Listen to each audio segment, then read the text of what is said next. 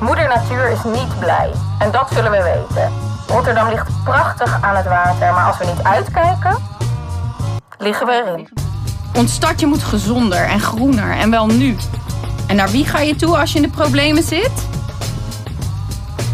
Je moeder. Je liefste moeder, rotmoeder, surrogaatmoeder, bonusmoeder, stiefmoeder, schoonmoeder, tweede moeder, pleegmoeder, peetmoeder, innermoeder. We hebben ze allemaal nodig om het tijd te keren. In de podcastserie Je Moeder praat ik, René Trijselaar, met wijze moederlijke figuren over een gezond leefklimaat en klimaatadaptatie. Wat gaan we doen? In de podcastserie Je Moeder praat ik, René Trijselaar, met wijze moederlijke figuren over een gezond leefklimaat en klimaatadaptatie. Wat gaan we doen? Deze week is onze gast mijn moeder. Mijn echte moeder. Biologische moeder. Mijn biologische moeder. Nou, wel ook in alle opzichten mijn echte moeder. Ehm, eh, dat is Paula Poldervaart. En ehm, zij is eh, met pensioen, maar was salarisadministrateur. Welkom, mam. Nou, dankjewel. Kan je kort iets vertellen over wie je bent en wat je doet? Nou, zoals jullie al gehoord hebben, ben ik Paula Poldervaart en de moeder van René. De oma van Mavis. En eh, ja, vroeger eh, heb ik altijd wel gewerkt in uh, administratie, op het laatst salarisadministratie. En na mijn pensioen hadden we gedacht om te gaan reizen, maar kregen we ineens een kleindochter erbij. En zijn we nu al jaren haar oppas, een paar dagen in de week. En dat is dus ongelooflijk gezellig. En zo, ja. ja. En verder ja, heb ik nog een man die gek is op plantjes en de tuin en de straat bijhoudt. En uh, zich daar heel waardevol in maakt. Ja, zijn jullie heel actief in de wijk? Ja. Krooswijk? Ja. In Krooswijk, ja. Oké, tof. Nou, we horen heel veel over klimaatverandering. Uh, we zien uh, over klimaatverandering. ik weet dat jullie heel veel nieuws lezen en kijken. Hoe voel je je daarbij? Nou, ik vind het behoorlijk spannend, de klimaatverandering. Want die wordt maar niet gestopt. Die is ook bijna niet te stoppen. En uh, de mensen beseffen nog niet dat uh, als dat heel hard doorgaat, dat de wereld wel eens heel erg kan veranderen. En of die dan nog leefbaar blijft. En daar maken wij ons best wel zorgen over voor toekomstige generaties. Je krijgt droogte, je krijgt wateroverlast, je krijgt nou, gewoon weer wat je niet gewend bent. Een leefomgeving die ook niet altijd even goed zal zijn. Dus ja, wij maken ons daar wel grote zorgen over. Oké, en hoeveel generaties denk je vooruit als je dat zegt? Nou, niet zo ver. Dat, dat vind ik juist het enge ervan.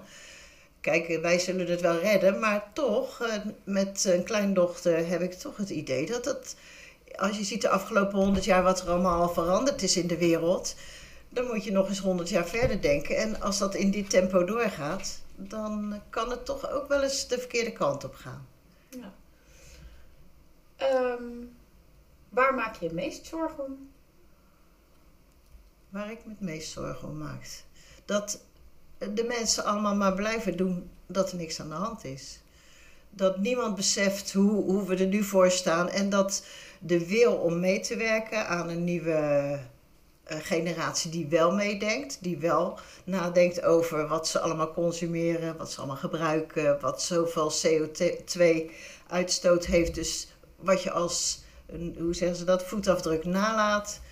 Nou, ja, daar maak ik wel zorgen over. Er moet veel meer, uh, veel meer mensen moeten ermee bezig zijn. Ja. En vind je, sorry, als jullie dingen horen, er is hier een hele nieuwsgierige kat die elke keer op de tafel springt.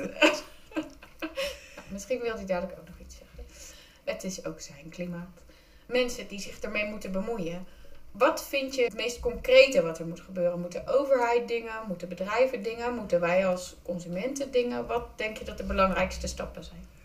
Ik denk dat uh, mensen zelf een hele grote stap kunnen zetten. Door uh, ja, al niet meer plastic te kopen. Niet meer zoveel uh, te kopen in de wereld. Waardoor allemaal grote reizen afgelegd worden die zoveel CO2 uitstoten. Maar het is ook zo dat bedrijven die vervuilen, die, uh, ja, zoals bijvoorbeeld geen moers en de hoge ovens, dat daar toch wel structureel wat moet veranderen.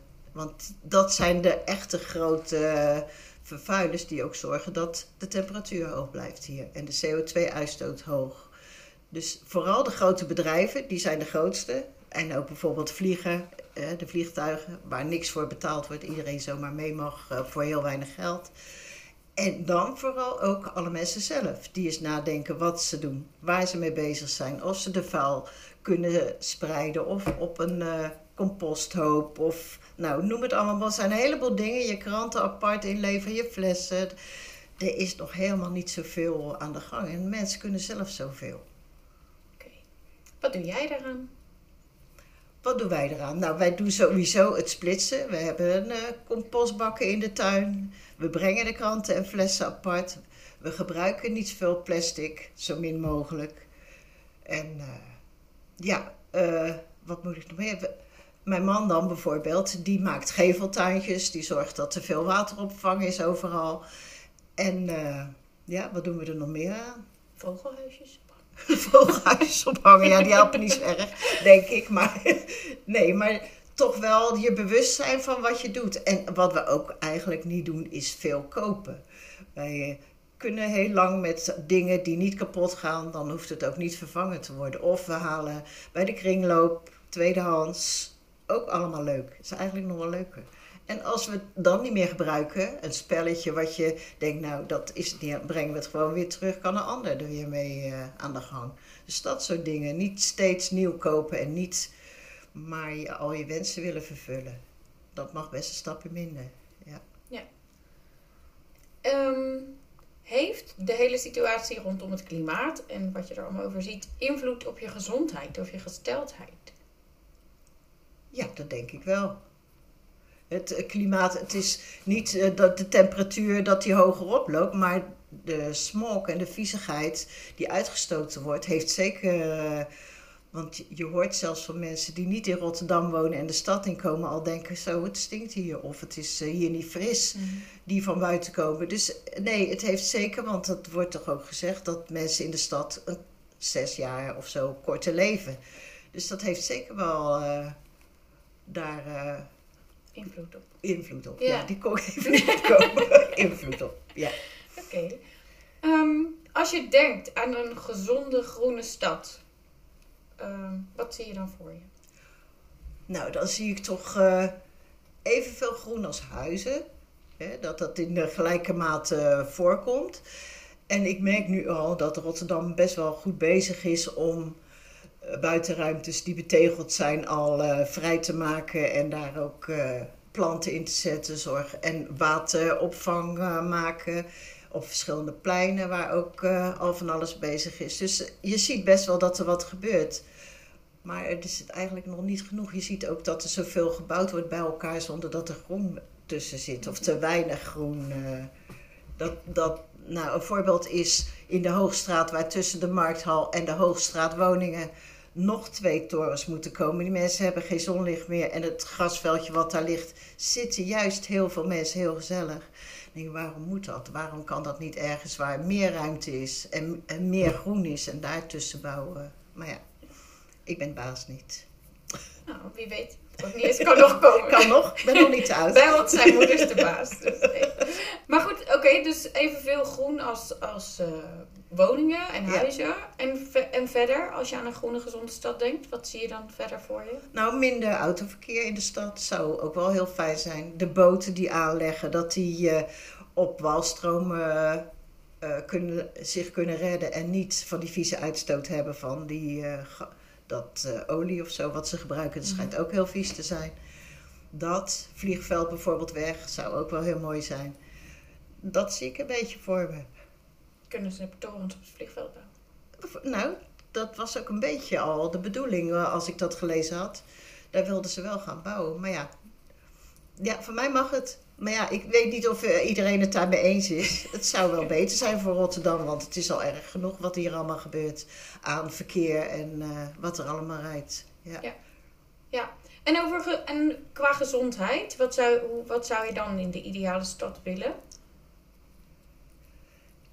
Qua gezondheid. Ja, dus ook Dus ik kan me bijvoorbeeld voorstellen als je meer groen hebt, dat mensen ook meer naar buiten gaan, bijvoorbeeld. Of vaker een beetje de natuur opzoeken. Dat je dan ook meer beweegt en elkaar vaker tegenkomt. En dat dat ook dingen met je gezondheid doet, bijvoorbeeld. Zijn Ja. er nog andere dingen die je voor, waar, waarvan je zou willen dat Rotterdam daar anders mee omging?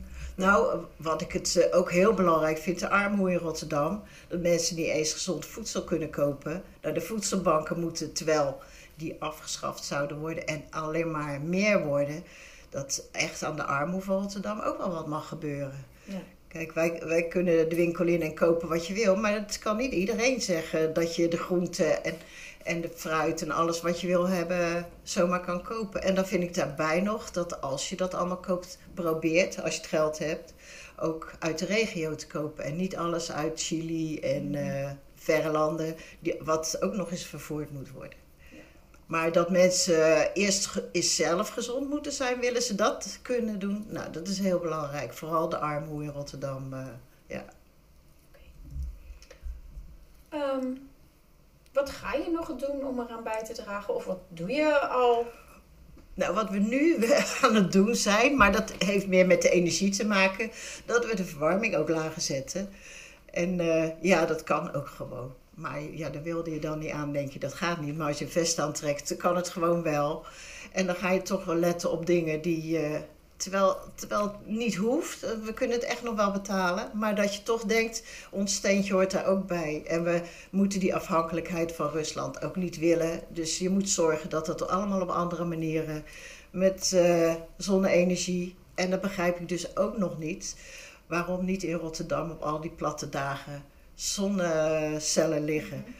Is zoveel ruimte en dan leggen ze het in het weiland. Terwijl hier in Rotterdam er zoveel platte daken zijn. Dat je denkt, waarom, waarom moet het allemaal zo duur en kan het niet wat simpeler? Ja, efficiënter. Ja. Zijn er nog verder dingen die je zou willen zeggen, die je bedacht had of eh, die je heel belangrijk vindt, die we nog niet eh, ter sprake hebben gehad? Nee, nou, alles eigenlijk wat ik, wat ik bedenk is, tenminste wat ik al gezegd heb, is eigenlijk wel eh, het ergste. En vooral de toekomst. Maar ja, dat heb ik ook al gezegd. Dus eh, Ja. kom op dit moment niet op nog een nieuw eh, deel. Nou, dan laten Ja. we het hierbij. ja. Hartstikke bedankt Nou, voor je graag tijd gedaan, en je wijsheid. En eh, voor iedereen die luistert, tot de volgende. Dag. Dag. Mama said, knock you out.